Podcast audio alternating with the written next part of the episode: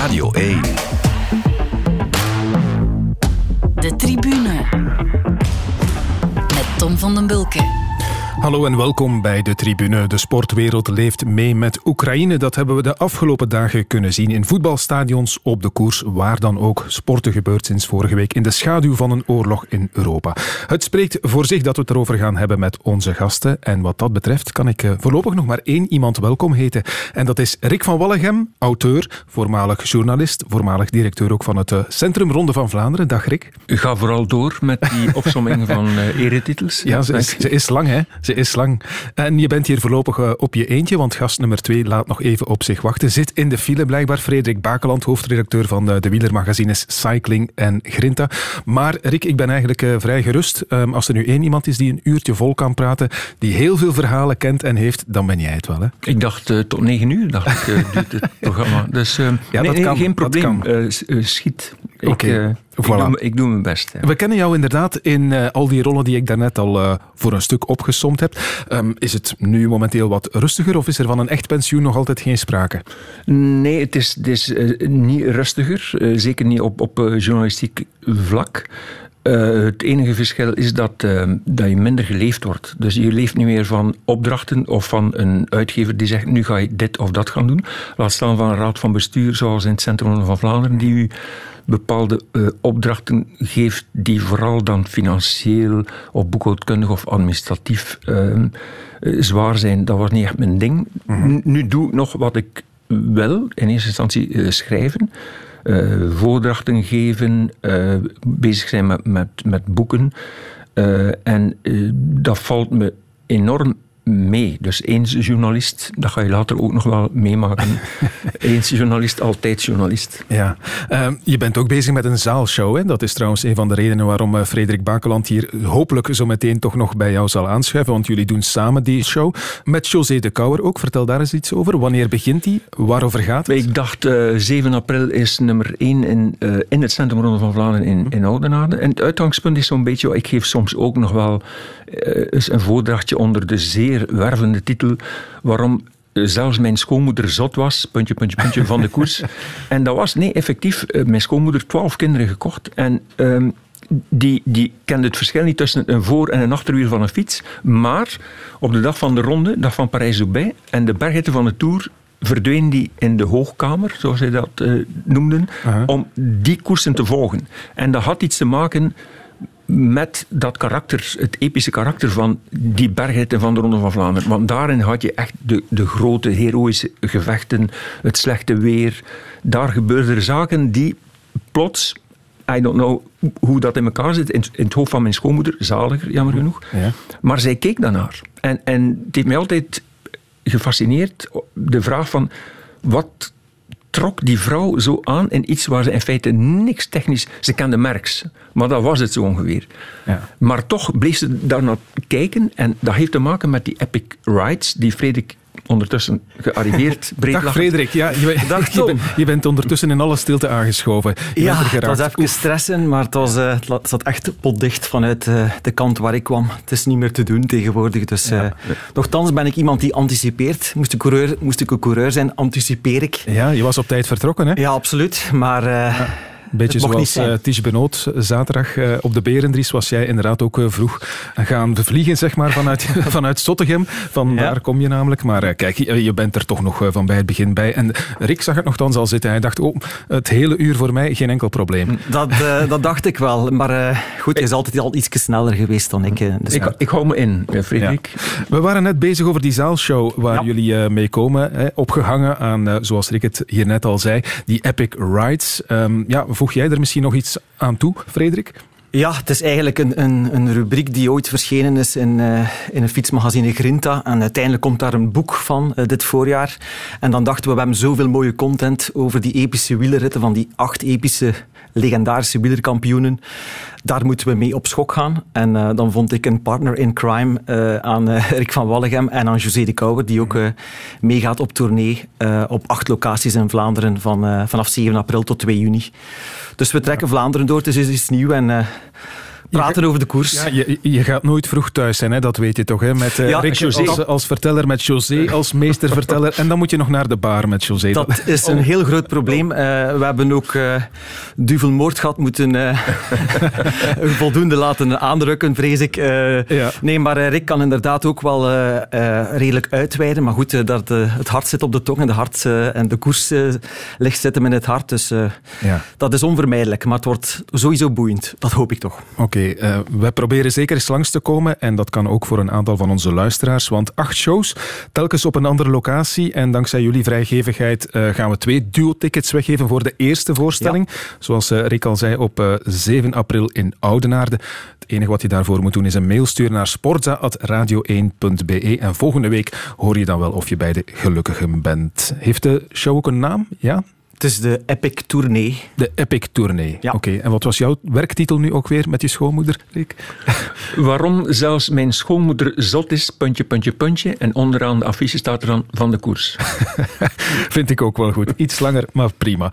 Oké, over naar de momenten van de week dan. En uh, we gaan beginnen met dat van jou, Rick dit jaar gaat het uh, een pak moeilijker worden dan vorig jaar. Allee, dat, is, dat is toch de, de prognose, omdat um, ja, er zijn twee topfavorieten dit jaar. Dat ben ik en Rus, uh. Die is ook onlangs vijfde op de Olympische Spelen ge, geworden in Tokio, in de skif. Ja, ik ben zelf ook heel benieuwd. Um, hoe dat het morgen gaat aanvoelen en welke tijd um, dat ik ga kunnen behalen. He's storming on here as we come into this final 250 meters, just closing about a meter every couple seconds now. There's the switch, just a few meters before the finish line. He oh, is going to bring whoa. this all the way through, holding below Vyazovkin, and he has got it. Allen absolutely storming on that finish. I mean, that is as good a racing as you could hope for.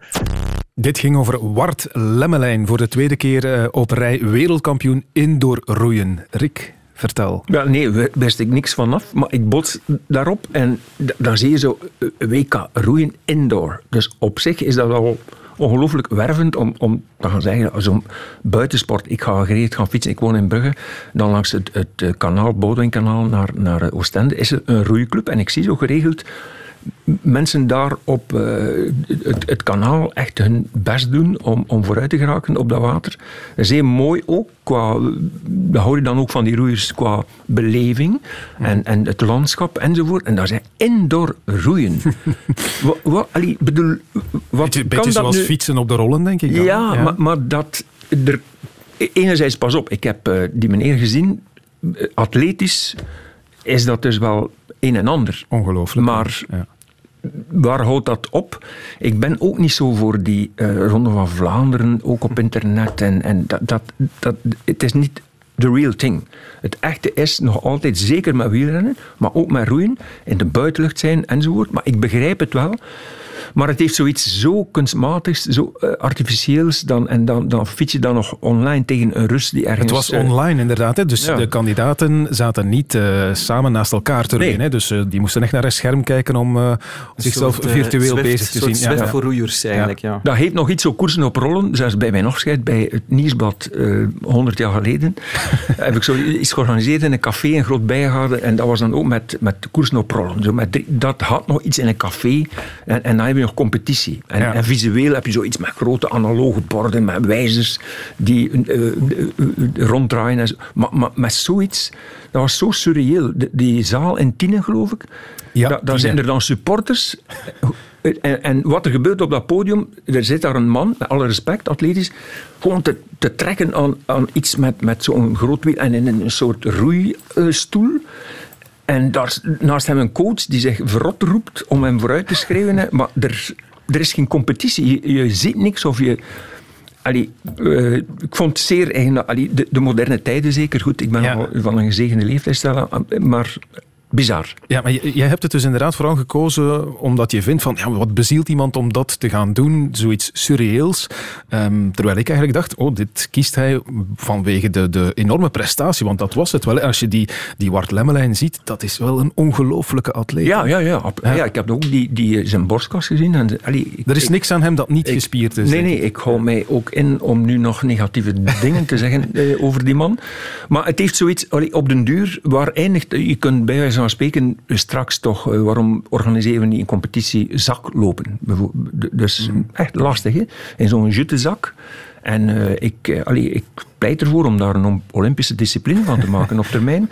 Uh, Dat is ook zeer populair. En allee, hij doet dat waarschijnlijk ook als trainingsarbeid en et cetera. Maar geef mij maar real stuff. Kende je hem al, Wart Lemmelijn? Want hij deed vorig jaar mee aan de Container Cup. Hij was daar de eindwinnaar en hij was in het fietsen beter dan Mathieu van der Poel. Alsjeblieft. Ja, ja, dan kun je wel iets, hè? Ja, ja maar... Ik, hij is wel te gespierd, denk ik, om het te maken als ja. coureur, maar... Ja. ja. Maar je moet... In mijn ervaring moet je een, een sportprestatie... Uh, uiteraard niet loskoppelen van het, het puur atletisch en puur fysieke. Uh -huh. Dat is de sokkel. Maar wat de aantrekkelijkheid ervan uitmaakt, is het verhaal dat bovenop. Daarom hou ik bijvoorbeeld niet van uh, achtervolging op piste. Dus dat is om te snelst fietsen. Dat is een puur atletische inspanning. Terwijl fietsen op de weg, de Ronde van Vlaanderen, startschot, het is niet hij of zij die het snelst rijdt, die 250 kilometer, die wint. Er komt daar van alles bij kijken onderweg. En dat maakt het verhaal. Mm. En, en, en, niet van, uh, voilà, startschot en nu om ter vlucht zwemmen. Mijn, e-, mijn eerste uh, opdracht bij het Nieuwsblad was trouwens in 1980. Joris Jacob zei, ga maar naar de nationale zwemkampioenschappen in Wezenbeek, Wezenberg zwembad. Wezenberg zwembad, in, ja. In Antwerpen. Uh, 120 regels. 120 regels, 60 aanslagen. Ah, Erik uit, dat was verschrikkelijk. En je ziet daar dus volwassen mensen evolueren in het water. Jan van Pimperzelen zwemt 200 meter vlinderslag in die tijd. Jan van Pimperzelen wint de 200 meter eh, vlinderslag.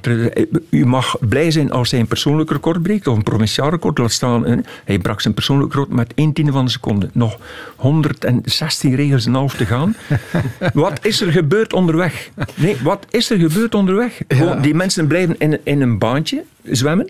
Ze mogen dus geen afspraken maken met gasten in een andere baan. Ze mogen niemand een kwak geven. Zo. Ze mogen geen combines maken. Niks. Er gebeurt niks om over te schrijven. Arm voor de journalist. Ik hoor het al. Niks boven de koers, hè. Niks nee, boven niks koers. boven de koers op de weg. Ja, absoluut. Er zit meer vlees uh, aan, aan de koers hè, tussen punt A en punt B. Er gebeurt ja, veel meer. Hè. Ja, dat is zeker waar. Enfin, uh, ik hoop dat we Wart Lemmelijn gaan zien op de Olympische Spelen van 2024 in Parijs. Dan wel degelijk op het water. Ik hoop dat dat lukt. En ik uh, denk met zo'n atleet als Lemmelijn moet dat ook zeker kunnen. Over naar het moment van Frederik Bakeland dan. Dit is het. Hey guys, so testing just came to an end after three positive days for the team, mainly because we managed to complete every single lap that we were planning to complete. There's been some challenges, but there's also been some positive signs. The rules are very different this year with the cars, so it's nice to, to get your first few laps and, and uh, get a feel. I think you're as much an engineer as you are a driver. Do you kind of feel like that? Uh, yeah, of course, because that's, that's part of the the role as a, as a driver is to you know you're you're feeling certain things out there and you need to be able to translate what you're feeling from just feel Ja, dat dit over Formule 1 ging, dat was wel duidelijk, denk ik. We hoorden de stemmen van uh, Carlos Sainz, Max Verstappen en Lewis Hamilton. Het circus is uh, zich weer op gang aan het trekken. Frederik, na dat bloedstollende seizoen toch wel uh, vorig jaar. We hebben intussen voorstellingen gehad van de auto's, van de nieuwe auto's. Eerste testdagen ook in Barcelona. Waarom heb je hiervoor gekozen? Ja, ik wil zeker niet te technisch gaan, want daar ben ik ook niet voor onderlegd. Maar ik wil even teruggaan naar eind jaren 90 van vorige eeuw en uh, jaren 2000. Toen was ik nog diehard fan van, uh, van Formule 1. En toen mm. is er eigenlijk een gat geweest van 20 jaar waarbij het mij niet meer zo boeide. Uh, in die periode, met Schumacher, met Hakkinen, Coulthard, die periode gebeurde er nog heel veel. Was er heel veel spanning in de Formule 1. Werd er ingehaald, was er spektakel.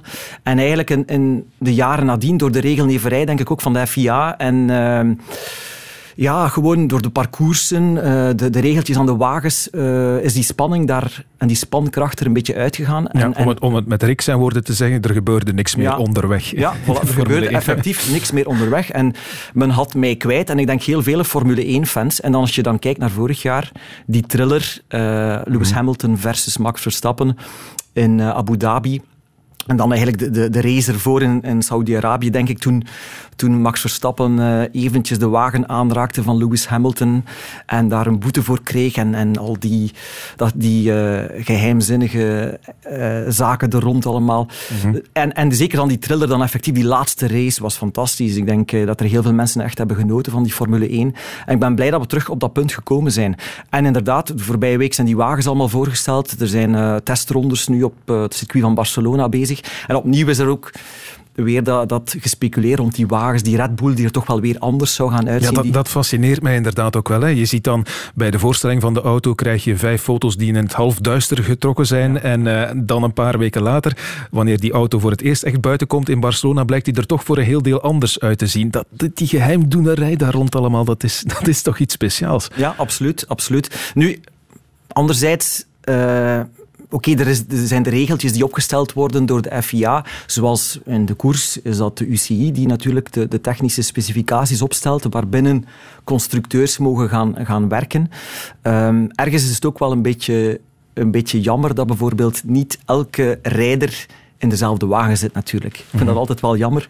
En zoals een beetje het karten, waarbij iedereen op het gelijke niveau is, dan zie je echt wel die skills en die talenten van die rijders uh, naar boven komen. Dus dan missen we wel altijd een beetje. Dat gaan we nooit eruit krijgen natuurlijk. Het is natuurlijk ook tegelijk de charme van de Formule 1 dat bepaalde teams vaak ook zijn natuurlijk met de grotere budgetten die, ja. uh, die dan de betere wagen kunnen gaan maken. Hè. Ja. We kunnen alleen maar hopen dat het weer zo'n seizoen wordt ja, als, uh, als vorig jaar. Er gaat wel weer van alles veranderen, nieuwe regels enzovoort. Ook die gecontesteerde wedstrijdleider Michael Macy is al uh, aan de kant geschoven, krijgt een andere rol. En blijkbaar, dat is dan wel jammer vind ik, gaat de radiocommunicatie met de wedstrijdleiding en de teambazen, dat gemarchandeer over, over welke straf ze al dan niet krijgen, gaan we niet meer live meekrijgen. Dat, dat, vind, ik jammer. heel jammer, want dat, dat was wel het peper en het zout. Hè? Ja, ja, ja, absoluut. Dat vind okay. ik ook jammer. Dan gaat het van de rijders zelf moeten komen. Absoluut. De tribune. Een grote prijs Formule 1 van Rusland komt er dit jaar alvast niet. Het is een van de vele gevolgen van de inval van de Russen in Oekraïne. Russische militaire kolonnes zijn vanuit Rusland het oosten van de Oekraïne binnengereden. Dat melden ooggetuigen en tv-zender Al Jazeera heeft er beelden van getoond. Die inval van de Russen daar heeft ook voor de sport gevolgen, Katrien. Ja, er is ruim opgeroepen tot actie. Hanne, het Internationaal Olympisch Comité vraagt de sportfederaties om alle evenementen in Rusland en Wit-Rusland te schrappen of van plaats te veranderen. En er zijn ook al knopen doorgehakt. De Europese Voetbalbond haalt de finale van de Champions League weg uit Rusland. En in de Formule 1 gaat de grote prijs in het Russische Sochi in deze omstandigheden niet door. Ik denk dat het vandaag uh, belangrijk is om, om te benadrukken dat de koers de belangrijkste bijzaak in, uh, in de wereld is met de nadruk op uh, bijzaak. Is een oorlog eigenlijk veel dichterbij dan dat je zou willen. En het is gewoon waanzin dat dat nog kan. En, wil uh, voor wat het waard is mijn steun betuigen aan alle betrokken mensen en hopen dat er, uh, het verstand snel zegeviert. In dit verband heeft ons eigenlijk uh, daarnet heel belangrijk, ik denk zelfs historisch nieuws bereikt, want de FIFA en de UEFA hebben beslist om alle Russische clubs en de nationale ploegen van Rusland uit te sluiten van alle voetbalcompetities. Dus we kunnen nu al zeker zeggen, geen Rusland op het WK voetbal, dat staat al vast ja, je zou het bijna, niet meer verwacht hebben van de FIFA en de UEFA, gezien het verleden en wat daar allemaal al gebeurd is. Maar het is dus wel degelijk beslist. De enige juiste beslissing, denk ik, Rick. Ja, ik vind dat een, een zeer goede zaak. Ik eh, kom uit een tijd dat er lang geprobeerd geweest is eh, een beetje de hypocrisie vol te houden dat de sport niks te maken heeft met de bredere maatschappij. Dat is natuurlijk onzin. Net zoals economie of financiën. Vandaag zie je ook, eh, BP trekt zich terug uit Rosneft. Dat kost hen 25 miljard dollar. Zwitserland sinds de prehistorie neutraal land, die zeggen van uh, de Russische tegoeden worden geblokkeerd. Eindelijk die sport ook bekend, wij zijn niet zomaar een, een cel of een cenakel. Wij hebben ook te maken met de, het bredere maatschappelijke plaatje. En er komen keiharde maatregelen. En, en dat is maar uh, goed ook, omdat. Um, ik, ik, ga niet persoonlijk worden, maar, maar uh, ik ben onlangs een kleinkind verloren van een maand oud. Mhm. -huh. Dat doet iets, dus ik weet wat het noodlot is. Dus het leven deelt klappen uit. Dan heb je nog idioten zoals die Poetin, of kijk naar de geschiedenis. Uh, ik denk dat uh, Frederik Licentiaat, of uh, dat heette vroeger zo, geschiedenis is. Dus ik moet de namen niet herhalen van Stalin, Mao, Hitler en ga zo maar door. Altijd idiote mannen die dan denken, om god weet wat voor een onnozele redenen, om zoiets te gaan ontketenen. En, en dan, dan zie je dat er een, een kind geboren wordt in de metro van Kiev. Vandaag waren er vreselijke beelden van een kindje van zes jaar dat moet gereanimeerd worden, dat niet lukt. Waar zijn we God, in godsnaam mee bezig? Dus dat als de sport dan ook op dat moment geen punt maakt, mhm. dan schaf die sport dan maar af. Mhm. Maar het is goed. Allee, ik keur het nu, nu is er echt een zeer duidelijk signaal. En die, die, die man, die onnozele Poetin, wordt geïsoleerd met één bedenking. Ik lees dan ook, ik ben opgevoed ook als tiener met het rode gevaar. Dus de Russen stonden klaar aan de oostgrenzen van Duitsland en Polen en wat weet ik meer, om ons te overspoelen. Ik ben dan mee echt naar bed gegaan, vroeger als tiener, hè, onderschat dat niet. Dat is dan weggeëpt. Nu komt dat plots terug. Hoor je dan, die Poetin heeft 6000 kernkoppen.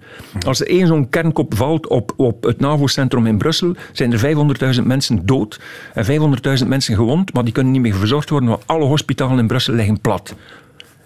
Wie is er nog in godsnaam van jullie jonge gasten bezig met te zeggen, alle kernwapens weg?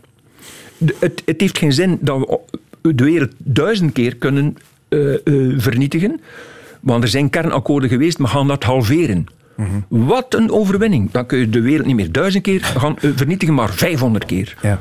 Fantastisch. Wat een perspectief. Het moet gewoon weg. Dat, dat is niet meer normaal. Dat is iets van de jongste 60, 70 jaar, dat die mogelijkheid bestaat. En dat de sport daarin gebruikt wordt. En nu eindelijk ook eens want het is lang zo geweest, want nu, nu, dus ja. sport moet je loskoppelen van de maatschappelijke evoluties, et cetera. Een zeer goede zaak. Ik hoop alleen dat, dat die eh, vreselijke Vladimir uh, Poetin niet, niet helemaal iets uh, in zijn hersenen krijgt. Dat, mm dat hij ja, dingen doet ja. die on, onuitspreekbaar zijn. Zeer goede zaak. Inderdaad, wat FIFA en UEFA beslist hebben om alle Russische clubs en nationale ploegen uit te sluiten. Um, vandaag ook het IOC. IOC is met advies gekomen voor uh, alle sportbonden om Russische en Wit-Russische atleten te weren uit alle internationale competities. Dus ook dat is een zeer sterk, krachtig signaal. Frederik, plaats jij dat ook eens in een historisch perspectief? Wanneer er is dus enerzijds uh, de, de reacties van Wout van Aert en van een Fabio Jacobson. Dat, dat, is een goed signaal, dat is een sterk signaal uiteraard. Uh, maar anderzijds zijn er de beslissingen van, die op hoger niveaus worden, worden genomen. En ik ben blij dat die er ook doorkomen. Ehm, ja, de kampioenschappen weghalen uit Rusland of, of Russische atleten en teams voor onbepaalde tijd uit de, uit de sport bannen. Ik denk dat dat een, een zeer goede zaak is. Ik wil nog iets toevoegen. Mm Gazprom uh, Rusvelo, dat is een, een Russische ploeg. Onder andere rit gewonnen in UAE Tour voorbije ja, week. World Tour, hè, die staan daar dan op het podium. hoogste niveau. Die staan daar. En uh, ik heb vernomen dat uh, de Ron van Noorwegen, dacht ik, ook er, er, ermee speelt om die ook te bannen. Zal er ook mhm. wel van komen. Ja. Dus ik denk dat dat alleen maar sterke signalen zijn. Um, Manchester City geloof ik ook Gazprom ook gewoon... Ja, de deal met uh, Gazprom is inderdaad door UEFA beëindigd. Een sponsordeal die 40 miljoen euro per jaar waard is. En daar hebben ze inderdaad een streep door getrokken. Het is wat ik daar net al een beetje aangaf. Uh, UEFA, FIFA hebben uh, wat dat betreft natuurlijk lang niet de beste reputatie. Hebben al hm. vaak landen opgezocht. Hè. We gaan dat nu ook toch nog weer doen in Qatar eind dit jaar. Foute landen. Maar deze beslissing is denk ik inderdaad de enige juiste. Hè. En oké, sommige Russische atleten zullen natuurlijk tegen de oorlog zijn en mee slachtoffer van, van wat er nu gebeurt. Maar is er een andere weg? Ik denk het niet. Hè? Nee, je, moet, je moet daardoor je moet een duidelijk signaal geven nu. Unisono, alle geledingen en, en sport. Vooral op het, onderschat dat ook niet als, als de financiële wereld, economische wereld en zo. Als het SWIFT-systeem wordt uh, losgekoppeld, eh, of Rusland wordt losgekoppeld van dat bankensysteem en zo. Dat heeft ongelooflijke impact. Maar onderschat, en dan gaan we ook weer naar die die, speciale kracht van de sport, die zich situeert op het emotionele vlak, over het mobiliseren van mensen. Als je ook ehm, op dat niveau duidelijk signalen geeft, ook voor de, de mensen in, in Rusland en voor de sportgemeenschap in het algemeen, is dat een zeer, zeer belangrijk iets waarbij dat je gewoon bijna als een, ik wil niet melig klinken, maar als een mhm. gemeenschap zegt, stop ermee. Het, het, het, het gaat niet meer. Doe, dus stop, gewoon hou ermee op. Ja, sport en topsport overstijgt alles. Hè. Dat is een enorm krachtig forum hè, om Ja. te gebruiken in dit soort tijden ook. Dus we kunnen het alleen maar aanmoedigen. Ja. Mhm. Ik weet niet of jullie dan gisteren ook de boodschap gehoord hebben van eh, Johan Museeuw over André Ja. Schmil. Ja. Gaan we eens naar luisteren. Na twee mooie koersdagen die we gezien hebben, heb ik eh, deze namiddag een telefoontje gehad van André Schmil. En André zei tegen mij, Johan, comment ça va? Ik zeg, ça va bien. Et? Zegt hij, maar mij kan wel beter, zegt hij.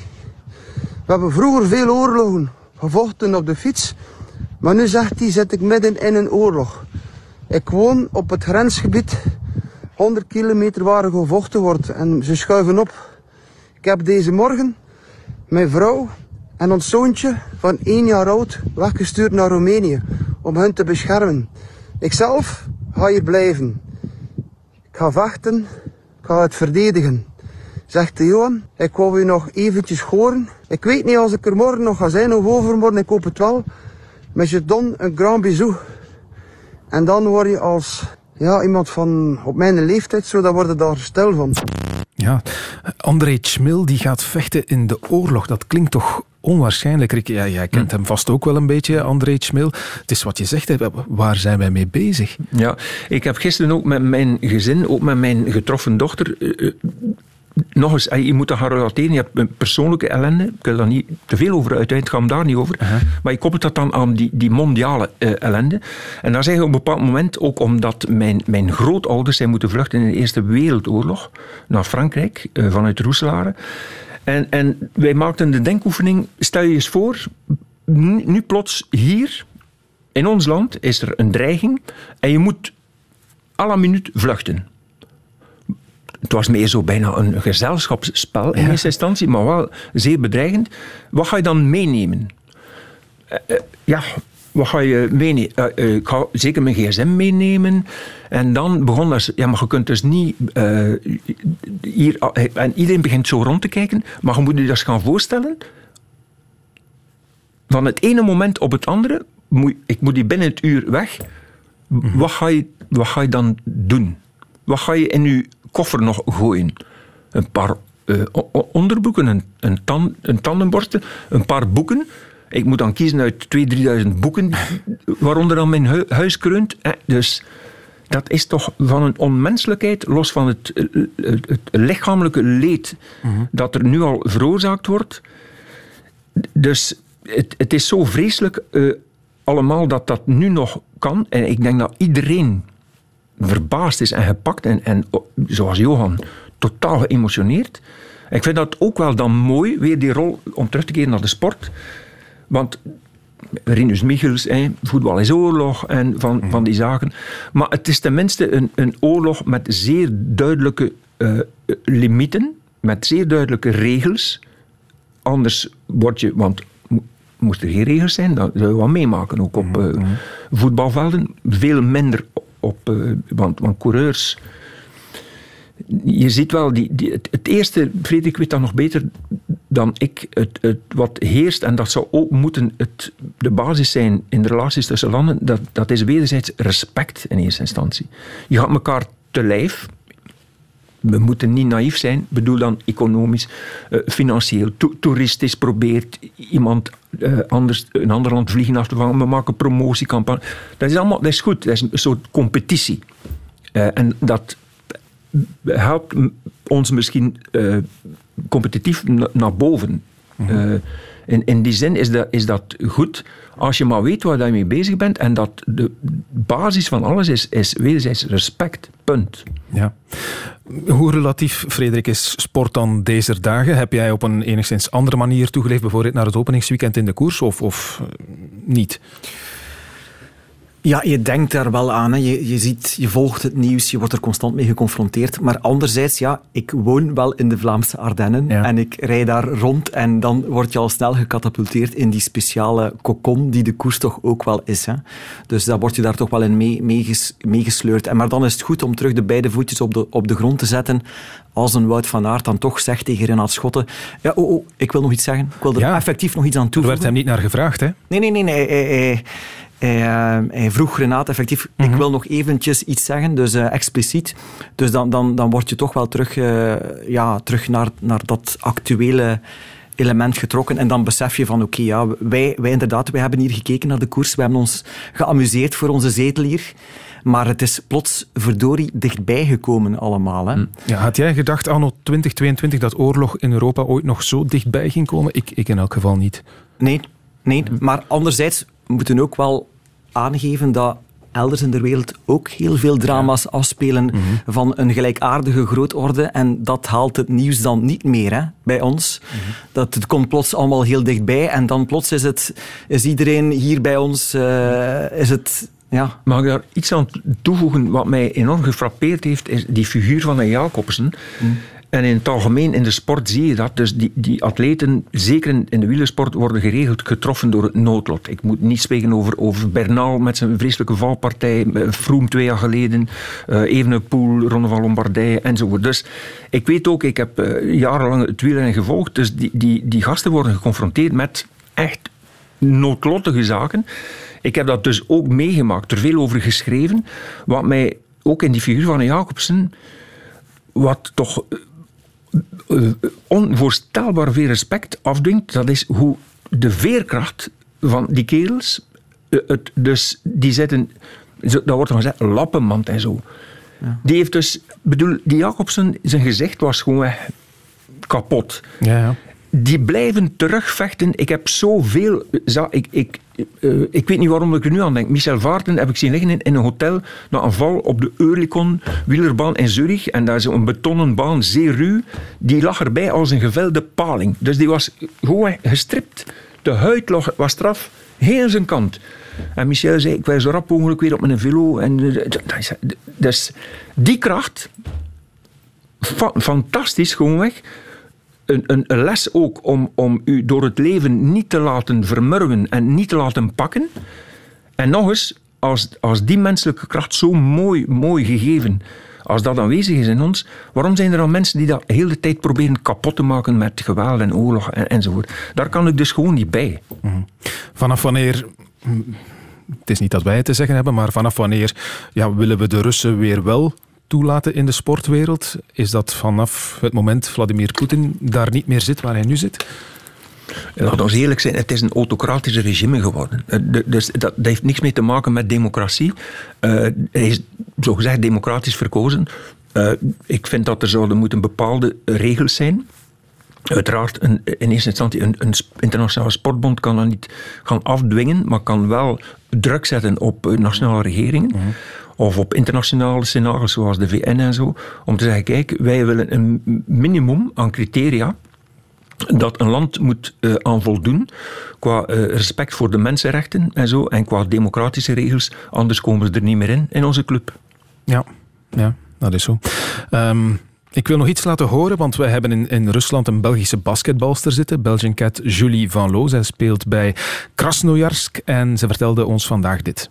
Ja, het is, geen gemakkelijke periode, moet ik eerlijk toegeven. Ehm, er is heel veel onzekerheid, heel veel vraagtekens, ehm, heel veel onbeantwoorde vragen dat wij hebben eh, als, eh, als buitenlandse speelsters. Er zijn heel veel twijfels eh, om, om naar huis te trekken. zeker omdat je ook constant die, die berichtgeving krijgt van de luchtruimen die afgesloten worden. Ook de ambassades die toch die allemaal zeggen van keer zo snel mogelijk terug naar huis. want ja, het is sowieso geen gemakkelijk traject als je nu terug naar België wilt vertrekken. Dus sowieso speelt dat heel hard in, in mijn hoofd, ja. Mhm. En, en de matchen bijvoorbeeld, gebeurde er daar iets? Werd er daar iets gezegd? Ja, een statement neem ik aan niet. Nee, zeker niet. Ehm, wij, wij hadden match in, ehm, in Moskou ook, dus eh, toch ook wel de hoofdstad, eh, maar daar ook echt niets van gemerkt. Eh, ik dacht misschien op de luchthaven toch misschien een militaire te zien of zo, maar absoluut niet. Voor de match was het gewoon zoals altijd, eh doen ze het volkslied en dan eh, start de match en alles was redelijk normaal. Eh, heel, eh, heel het stadion stond ook recht eh, bij het volkslied, dus ehm, ja, het was echt een match zoals een ander. Ja, vooral dat laatste vond ik toch vrij frappant. Die Russen staan daar blijkbaar gewoon in die basketbalhal het volkslied mee te brullen. Dan, ja... kan je wel de vraag stellen, ik kan dat niet inschatten, hoe groot het draagvlak eigenlijk is voor wat Poetin nu beslist. Want hij zit daar achter zijn rode knop. De vraag is in hoeverre dat hij nog rationeel beslissingen neemt. Ik hoop van ergens wel dat hij nog rationeel beslissingen kan Mhm, nemen. Want als dat weg is, de ratio, dan zijn we ver weg. De, ehm, de vraag is hoe groot dat draagvlak er is. Want al, al die sporters natuurlijk, die daar... eh, ik kan me niet voorstellen dat de, de Russische sportwereld en ook uiteraard zeker niet de buitenlandse sporters die in, eh, in Rusland aan, aan de bak moeten, dat die daar allemaal zomaar mee akkoord zijn. Ja, Dus dat, ik denk dat dat eh, een heel moeilijke situatie is. Die context in Rusland ook. De massa kun je meekrijgen. Het is altijd hetzelfde eh, systeem, dezelfde dynamiek dat je merkt bij het ontstaan van eh, eh, autocratische regimes. Dus in eerste instantie eh, de kanalen waarmee dat ze de mensen kunnen bespelen. eh, en de sport behoort daar ook toe. Maar alles verloopt normaal. Dus ook de sportcompetities, geen enkel probleem. Wa- Waar is de... zijn we in oorlog? Nee, je mag het woord oorlog niet uitspreken in Rusland. Je komt naar buiten met een bordje Stop the War en ze stoppen nu in, in, in de cel. Dus die, Ja, of, die- eh, of de KGB zorgt dat er eh, gif eh, in, in uw tas koffie komt of zo, weet ik veel. Ja. Je mag daar niet... allee, het zijn toch al die rare verhalen van, verhalen van de voorbije jaren, die, dat komt allemaal samen. Het is een, een, een hele gekke context eigenlijk. Plus, plus het feit dat de Russen ook wel een grote vaderlandsliefde hebben. Hè? Ja, maar er is eh, zoiets. Ik, ik begrijp wel die geschiedenis van, van de Russen met, met de Eerste en Tweede Wereldoorlog. Dus zij waren ook de grootste slachtoffers in, in eh, mensenlevens van, van die twee wereldoorlogen. Dat is een ongelooflijke slachting geweest. Eh, ze zijn op een bepaald moment een, een grootmacht geweest. Wa- Wat ik echt niet begrijp, maar Frederik gaat dat beter kunnen uitleggen dan ik. Dat, hoor. dat historisch. Dat historisch dus 100 jaar geleden was, was eh, Great Britain, eh, rules the waves enzovoort, dat was, die beheersten ongeveer twee derde van de wereldbevolking. Moet je moet je dat eens gaan voorstellen. Eh, Het Romeinse Rijk, maar ga zo maar door. De Ottomaanse Rijk, 400, 500 jaar lang, het Ottomaanse Rijk, enzovoort, enzovoort. Aan alles komt een eind, maar altijd zie je, dat komt altijd maar terug. En alle middelen worden altijd maar gebruikt om dat te rekken en te trekken, terwijl dat dan in feite historisch niks voorstelt. Niks. Wat stelt er iets voor? Dat is dat je maakt, wat de meeste mensen willen, dat is gewoon weg, een normaal leven hebben, genoeg geld verdienen en kunnen eten en drinken, kinderen kunnen opvoeden en zich veilig voelen, dat willen de mensen. De mensen willen niet per se deel uitmaken van een groot Brits, eh, Russisch, Belgisch Rijk. Die zijn daar allemaal niet mee, maar die laten zich dan wel zo'n dingen eh, aanpraten via de media. En je moet altijd gaan ingrijpen. Zodra dat er bepaalde partijen of, bepaalde leiders met zo'n scheve bedoelingen beginnen dat in te palmen en, en die, die publieke opinie te beginnen te bespelen, ook via de sport. Hè. Pas op, de sport wordt absoluut bewust gebruikt daarin, in, in zo'n Poetin campagne. ziet eh, sport als politiek. Hè? Ja, ja, ja. Zo is maar, kijk naar Ja. die Olympische Spelen. Ik bedoel, Historisch gezien is dat, al, dat is Ja. altijd gebeurd. Hè. Is, is altijd zo gebeurd. Sochi en dat was toch echt flagrant gewoon. Hè. Het is altijd ook sport wordt dan in. En die sportinstanties, en dan komen we op een zeer heikel punt. Het, het, de Achillespees van de grote sportorganisaties was het geld, de commercie. En wie genoeg, met genoeg geld smijt, kijk nu ook naar, naar wereldbeker eh, voetbal, is toch een aanfluiting dat je dat doet in zo'n land. Dus eh, die kijken naar het geld, terwijl dat er in feite bij het organisatie van de sport ik ben een adept geweest altijd van Hein Verbruggen, de vroeger internationaal, voorzitter van de Internationale Wielerunie. Eh sport um, isn't a business, but you have to run it like a business.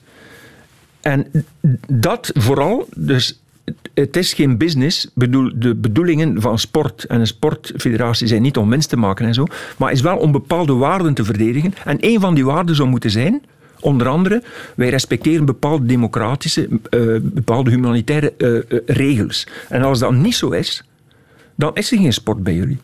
Maar het wordt altijd maar, en de jongste jaren heb ik dat echt zien verschuiven, het wordt altijd maar debet gemaakt aan, aan geld, aan commercie. En, en zoals ook Jean-Marie Leblanc, de vroegere directeur van de Ronde van Frankrijk, dikwijls gezegd heeft, niet doping is het grote probleem in de sport. Het grootste probleem is de commercie, is het geld. En dat zie je nu ook. En daarom doet het mij, maar ik wil uiteraard positief eindigen in uw ja. programma, Tom. da daarom is het een zeer goede zaak nu. En ik denk dat dat, dat zoiets iets is, want overal gist het en het kan niet meer, dat zelfs, zelfs de sport nu een vuist maakt en zegt, stop ermee. Voilà. Kijk, Frederik, en nu moet jij het zogezegd nog beter uitleggen. Ja. Dat zal ik in het volgende topic uh, proberen te doen. Oké, okay, zullen we dan nog eens, uh, wat is het, een, een, flink kwartier over de koers praten? Wat denk je? Graag. Ja. Voilà. De tribune. Een beetje Ja, want ook al uh, is sport dan relatief. Het is toch goed dat het er is en dat we hebben kunnen genieten van wat toch, denk ik, een mooi openingsweekend geweest is in de koers. Ah, Van Aert zelf. Oei, oei, oei, oei, oei. En Kampenaerts reageert. En bij de rest zit niet veel meer op. Hè. Daar hebben we niet veel zin om nog iets te doen. En is dat Housler? Hij dat hij betrokken is. Ja. En Kampenaerts die daar zijn tenen uitkuist om in het wiel van Van Aert te geraken. Maar kijk naar die omwentelingen. Formidabele inspanning op de Bosberg van Wout van Aert.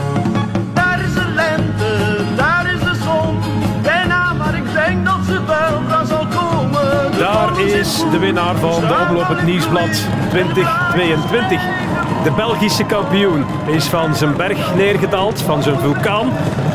En een uitbarsting op de Bosberg was voldoende om hem naar deze zegen te loodsen. Schitterende prestatie, Wout van Aert. Pracht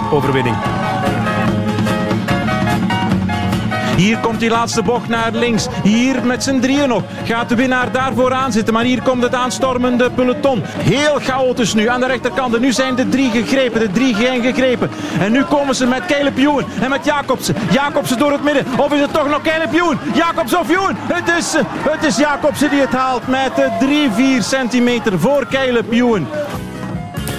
En zo staat het 1-1, zou je kunnen zeggen, in het duel tussen Jumbo-Visma en Quickstep Alpha Vinyl. Maar Frederik, geeft die zogezegde 1-1 ook de echte waardeverhoudingen weer?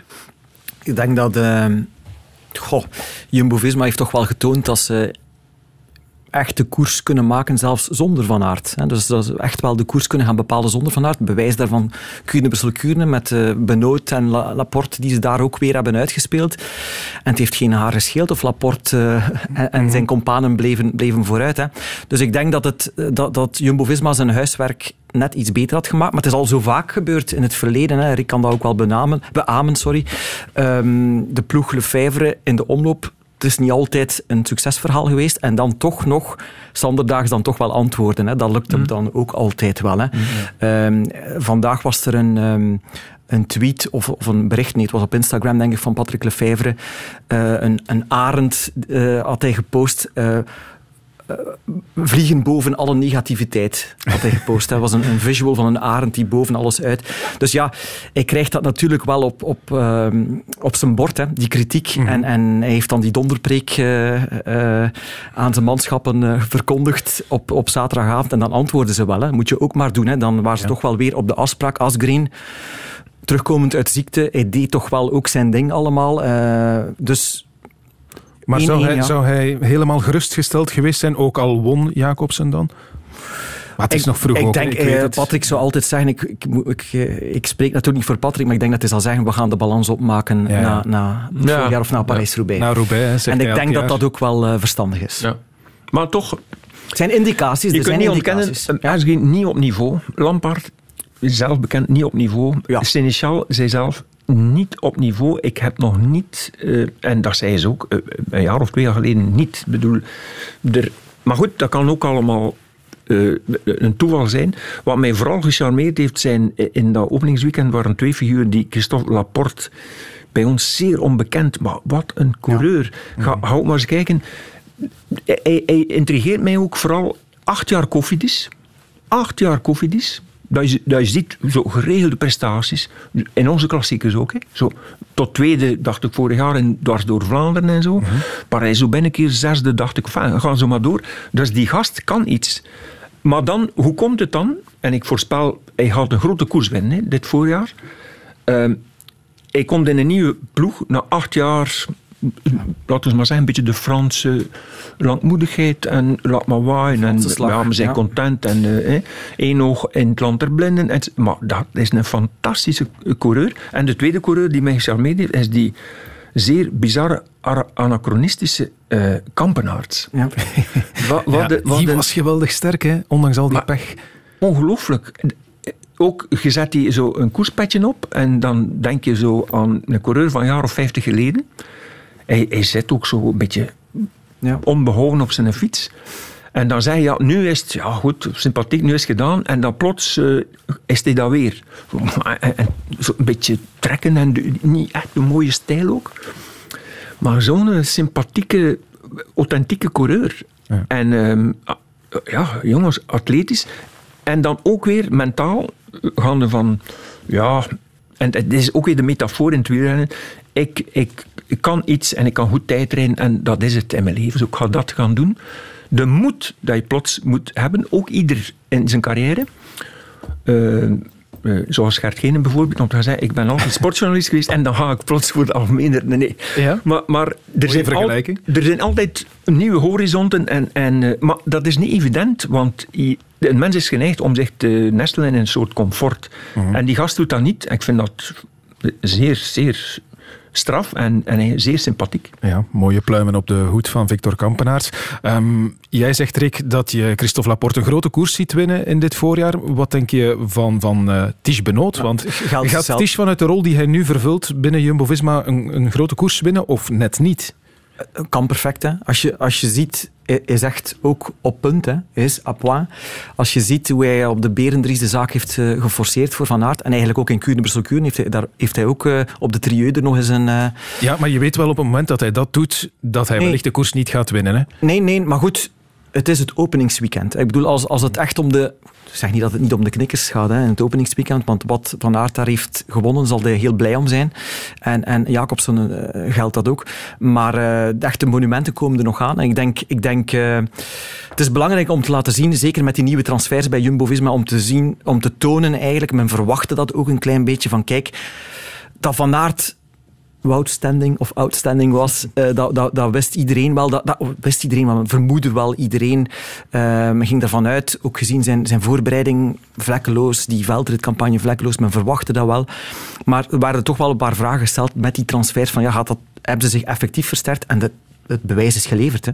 Ja. Het bewijs is geleverd. En Benoot kan perfect op, op een of andere manier, je zegt het trouwens zelf, uh, in, in, wedstrijden zoals uh, Harelbeek, ik zeg maar iets, uh, perfect uithalen. Hè. Ja. Of Stradi Bianchi zaterdag, hè. dan is Wout van Aert er niet is bij. Niet bij en, ja, absoluut. En Tisch is een ex-winnaar van de ja. Stradi. Nu, um, Wout van Aert, ja, we geraken er maar niet over uitgepraat, uiteraard. Ik zit hier met een licentiaat geschiedenis, ik zit hier met een man die 3000 boeken gelezen heeft. Um, plaats jij dat misschien om te beginnen, Rick, is in een, in een historisch perspectief. Wout van Aert, met wie zou je hem nu het beste kunnen vergelijken eigenlijk, als je, als je terugdraait in de geschiedenisboeken? Ik denk, maar mag het misschien voorzeggen? Ik ga jou eerst laten zeggen. Ik zou, het heeft misschien te maken met, met die uh, driekleur waarmee hij nu rondrijdt. Ik, ik dacht zo in eerste instantie aan een uh, Roger de Vlaming. Ja, net dezelfde die ik wilde zeggen. Ja. ik heb er ook een. Ja. Hij kon ook spurter. alles, hè? Ja? ja, pas op, Roger kon alles. Um, heeft, Roger heeft de Ronde van Zwitserland gewonnen, hè? Dus dat is niet uh, driedaagse of vierdaagse van Duinkerke. Mm -hmm. uh, ik kon een, een, tijdrit kon Roger kon eigenlijk ook aan. Roger de Smet, een beetje de hypotheek op zijn campagne, op zijn carrière is altijd geweest, die Tour is niet gelukt.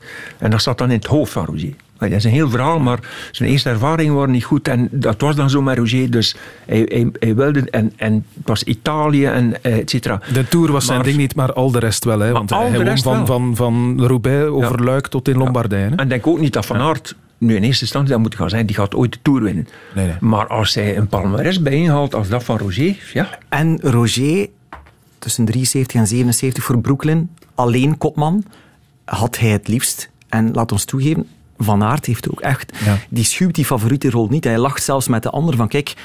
Uh, voor de start in, in, in Gent, met, voor de start van de omloop, zei van ja, dat sommigen toch maar alles doen om die stress van zich af te houden, die favoriete, die hete aardappel door te spelen. Terwijl Van Aert, ja, die eet die aardappel op. Hè. Ik bedoel, die, dat, dat, dat, dat uh, glijdt allemaal van zich af. En Roger ja. de Vlaming had dat ook wel. Hè. Die had dat ook graag. Tot hij, en in 78 ging hij dan voor Samson rijden, uh, de ploeg van Moser. En had hij, had hij er iemand naast, naast zich staan. En, en dan had hij niet echt graag, hè, natuurlijk. En, en hij, hij verloor uh, Parijs-Roubaix aan, aan Moser. Maar ik dacht ook aan Rick van Looy. Uh, Rick van Looy is ook wel iets vroeger natuurlijk dan Roger de Vlaming. Het is dan ook nog een keer de connectie van Herentals. Hè. Eigenlijk ook. Uh, Wout woont ook in Herentals. Maar Roger de Vlaming... sorry, Rick van Looy, spurter, klassieker koning tijdrijden was iets minder natuurlijk, maar uh, ook in in het uh, rondewerk. Een paar keer een vierde denk ik in de Giro, derde in de Vuelta, tiende in de Giro, de groene trui gewonnen. Iets wat ook op de focus, de focus is van Wout van Aert dit jaar. Ik vind ook wel dat uh, Rick van Looy en Wout van Aert dat daar ook gelijken is. Als je een mix bent van Rick van Looy en Roger oh, de ja, dan ben je een redelijke uh, goede denk en, en, een beetje, en een beetje Edwig van Ooidank ook, want dat was wel gedoe rond zijn demarrage op de Bosberg, dat, ja. uh, dat Wout het in één minuut had geklaard, waarop dan de reactie kwam, ja, Edwig van Ooijdonk, uh, het was, is, Edwig van Ooijdonk deed het in 59 seconden. Eén seconde sneller blijkbaar. Dus dan toch geen Wout Bosberg. Ja, inderdaad. maar het was gewoon straffe kost. De vraag is, als hij gezond en wel blijft, wie gaat Wout van Aert kloppen in dit voorjaar? Wel, ik hoor Patrick Lefevre al even zeggen. Uh, ik zag een, een, commentaar van hem. Oh, ik had toch niet verwacht dat hij al zo scherp stond of zo scherp staat. Hij komt daar van die drie weken in, in, in de schaduw van de tijden. Wout is snel in, in, Ik heb de indruk dat Wout werkt... Het is een enorme werk, een enorme labeur op training en dergelijke, maar die is heel snel in vorm. Dat is ook wel zo. Uh, kan hij dat trekken? Zeker, maar hij maakt enorme keuzes. Hè. Ik, bedoel, ik denk dat het wel zal pieken als hij niet aan de start staat van de Strade Bianchi. Met zo'n... Ja, dat zijn echt keuzes maken. Dat is wel uh, heel moeilijk om te doen. Hè. Ik bedoel, hij is er niet bij. Maar wie, ja, hij maakt toch perfect kans. Hij had toch perfect kans gemaakt om die Strade ook opnieuw te winnen. Hè. Dus kan hij het rekken zo lang? Uh, het is waarschijnlijk allemaal zeer goed uitgekiend. Hè. Ja, dus dat ja, vind ik een, een, zeer goed signaal. Dat hij, uh, hij past voor 2K uh, veldrijden. Hij past voor Strade. Dat betekent toch... keuzes, hè? Ja, ja, en dat moet je kunnen. Want er is ook altijd de neiging bij de mens om, als het goed gaat, van ik kan alles aan en ik ga nu alles meepakken wat ik kan. Wat mij ook verbaasde, ik zag vandaag naar zijn naam, uh, haakje open, 27, haakje dicht. Dus ik, ik, ik, ik, ik volg dat zo allemaal niet meer. Het over zijn leeftijd nu, hè? Ja, die, die is pas 27. ja. Dus het, nu pas komen zijn vette jaren er eigenlijk aan. Uh, 7, 28 zijn zo voor een coureur.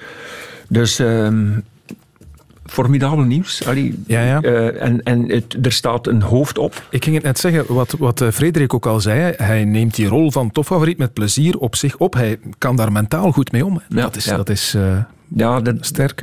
Het, dat is dan ook weer zo een cliché, maar het hoofd en, en de benen. dat he, de benen heeft hij zeker. Het is nog altijd, want mag ik de naam uh, Mathieu van der Poel vernoemen, de gretigheid waarmee hij de afgelopen jaren erin is gevlogen, die nu misschien zijn tol eist. Ja goed, dat is jeugdige onbezonnenheid misschien en dat is allemaal mooi voor de toeschouwer, maar je betaalt op een bepaald moment de tol. Je moet echt jezelf kunnen bedwingen, zeker in zo'n zware sport als het uh, wielrennen. Anders, uh, iedereen heeft zijn tere plekken, zwak Achillespees. En misschien nu is het bang afwachten Mathieu wanneer hij wat, er weer zou staan. Wat zeker is dat, dat we niet meer, wat zeker is dat we niet meer de Tirreno Adriatico gaan krijgen zoals vorig jaar. Nee. Ergens wel jammer, want daar hebben ze zich effectief wel. Uh, ja, mooi. Dat is een fantastische koers. Gemaakt. Ja, ja, fantastische maar... koers, maar het heeft wel impact gehad op dat, op dat jaar en de rest van die planning hè, van, ja. van Van Aert ook. Hè. Ja, en, en misschien zal het alsnog van Mathieu van der Poel moeten komen als er iemand moet opstaan om uh, Wout van Aert te kloppen. Maar goed, we moeten onze verwachtingen nu wat gaan bijstellen, denk ik, uh, wat Mathieu betreft. Of Pitcock, of Pogacar. Ja, of Alaphilippe. Het waren er nog een paar die, ja. die er niet bij zijn. Hè. Ga. Ganna heeft zijn zinnen gezet op Parijs-Roubaix. Mm -hmm. uh, bedoel, dat zijn allemaal figuren die er niet waren. Uh, er, zijn er, er waren heel veel renners niet op het appel, hè, uh, zaterdag en zondag, die waren gewoon niet aanwezig. Dus, en die zullen er wel zijn als de grote monumenten eraan komen. Ja. Rick, jij volgt de koers al tientallen jaren, zoals we nu de koers beleven, de laatste paar jaar zeg maar. Ja, plaats het nog eens in, in, in ergens in de loop van de geschiedenis, want dit zijn echt toch nou, topjaren. Hè? Ja, ik ben begonnen in de Hino-jaren en dat was van een onwaarschijnlijke saaiheid. Dus die toeritten, ja, dus daar zit je ook nog uren in die auto. Er gebeurt niks. Dus die dirigeerde alles. Dat was nog zo de periode van het absolute kopmanschap en een chef in het peloton. En Hino, als Hino zei, je blijft allemaal zitten, iedereen bleef zitten. Er gebeurde dus ook geen zak. Hè. Dat was vers, als journalistiek was dat verschrikkelijk. Ja, en dan moest je weer 120 regels en, ja, en de, de, de, de, de, kranten toen waren nog broadsheets, hè, dus geen postzegels zoals nu. Mm -hmm. Dus um, daarom ook altijd een goede school geweest, uh, wielerjournalistiek. Zeker om je duim te leren gebruiken, om er een en ander uit te zeggen. Maar het is hand over hand, en zeker de jongste jaren, opengebroken. Uh, zoals men dan zegt, uh, de anarchie regeert. En dat, ik vind het fantastisch. Dus ik, ik heb het nooit zo boeiend meegemaakt. Oké. Okay. Um, ja, we naderen stil aan de laatste minuut al van het programma. We gingen doorgaan tot negen uur eigenlijk. Hè, maar ja, dus ik zie hier een heleboel volk buiten staan aan de studio. Ik denk dat die onze plekken willen innemen. Oh, okay. dus, uh, dus we gaan toch stilaan moeten afronden, vrees ik. Um, maar waar kijken we nog naar uit? Ik denk een beetje voor de hand liggend de Strade Bianchi. En wat denk je, Frederik? Mag ik Pogacar al opschrijven als winnaar? Ja. Ja? Dat mag jij. Benoot dan, hè? Benoot, ja. Het is wel een prachtige koers, hè, trouwens. Um, hij bestaat nog niet zo lang, maar wel een hele mooie, hè? Mooi. En uh, ook weer, er is een beetje protest aan het groeien in het peloton tegen uh, de koersen die meer en meer zo'n gravelstroken, et cetera. Ja, Eén koers mag dat doen. Dus het Strade Bianchi. Eén koers mag zo'n onbarmhartig kasseien, de helft van het noorden, Parijs-Roubaix, dat mag.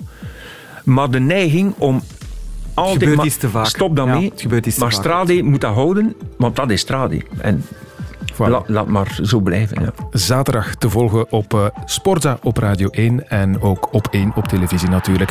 Hartelijk dank om erbij te zijn. Je was een beetje aan de late kant, maar je hebt het toch uh, goed kunnen maken.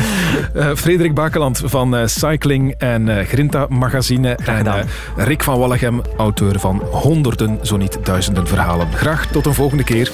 Bye bye.